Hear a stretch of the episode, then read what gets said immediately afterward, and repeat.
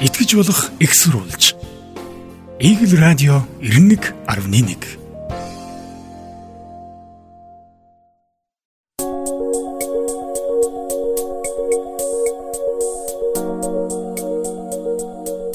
Игэл цэгийн сайтын онцлог нийтлэлээс Эрдэнэтээр туг бариулах уу, тугал хариулуулах уу?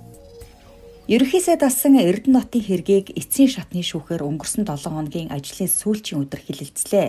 Ингэхдээ гаргасан шийдвэр нь ирэхгүй анхаарал татаж байна. Шүүх бүрэлдэхүүн анхан болон давж заалдах шүүхийн шийдвэр хууль ёсны байх хуулийн шаардлагыг хангаагүй. Мөрдөн байцаалтын ажлыг бүрэн дүрэн хийгээгүй, нотлож чадаагүй байна гэсэн дүгнэлтэд хүрч байна гэсэн хамгийн анхаарал татсан зүйл боллоо.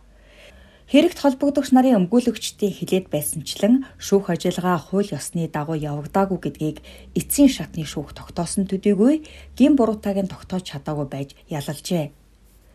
Цааш үргэлжлүүлэн шүүх хэргийн оролцогчийн хуулиар хамгаалагдсан эрхийг ноцтой зөрчсөн шүүхийн шийдвэрт сөргөөр нөлөөлсөн байж болзошгүй байна гэсэн нь Эрдэнэтийг яаран баривчилж шуурхаал нь шүүсэн нь улс төрийн нөлөө орсон гэдгийг үгүйсгээгүй бас батлаагүйч улсын хурлын гишүүний халдваршгүй эрхийг зөрчижээ.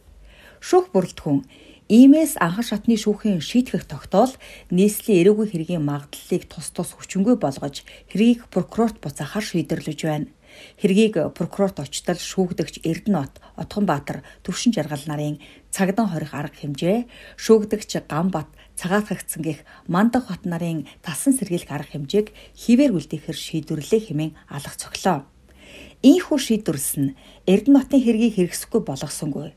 Харин анхан давж залдах шатны шүүхийн шийдвэрүүдийг л хүчингүй болгосон. Хэргийг дахин шалгуулахаар буцааж байна гэсэн үг хэрэг албан ёсоор прокурорт очсноор Эрдэнэтийг батлан даалтанд гаргах хэсэг асуудал яригдах нь.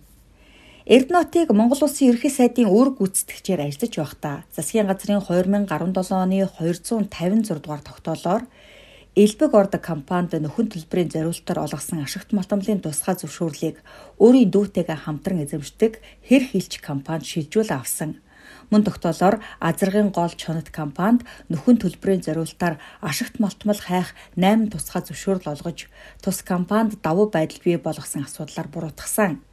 Элбэг орд компанид холбогдох асуудлын тухайд өөртөө болон өөрийн төрсөн дүү Эрдэнэ төгсөд давуу байдал бий болгохын тулд мөн тухайн талбай нь Монгол Улсын их хурлын шийдвэрийн дагуу стратегийн ач холбогдол бүхий ордод хамаарч байхад тус компанид олгосон гэж буруутгасан юм.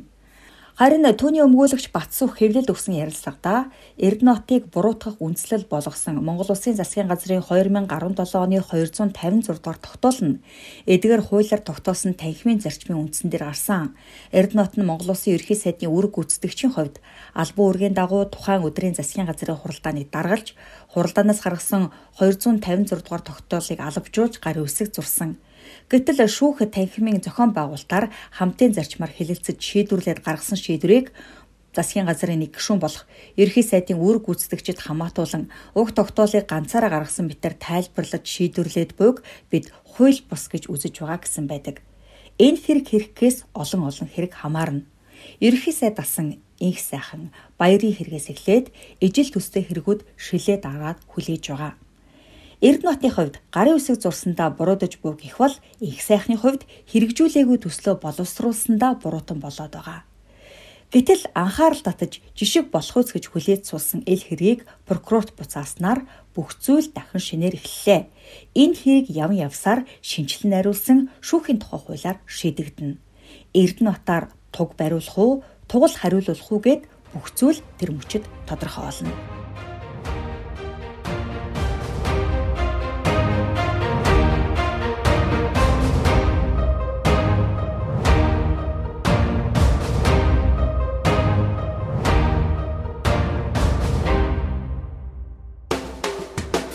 Итгэж болох экссурулж.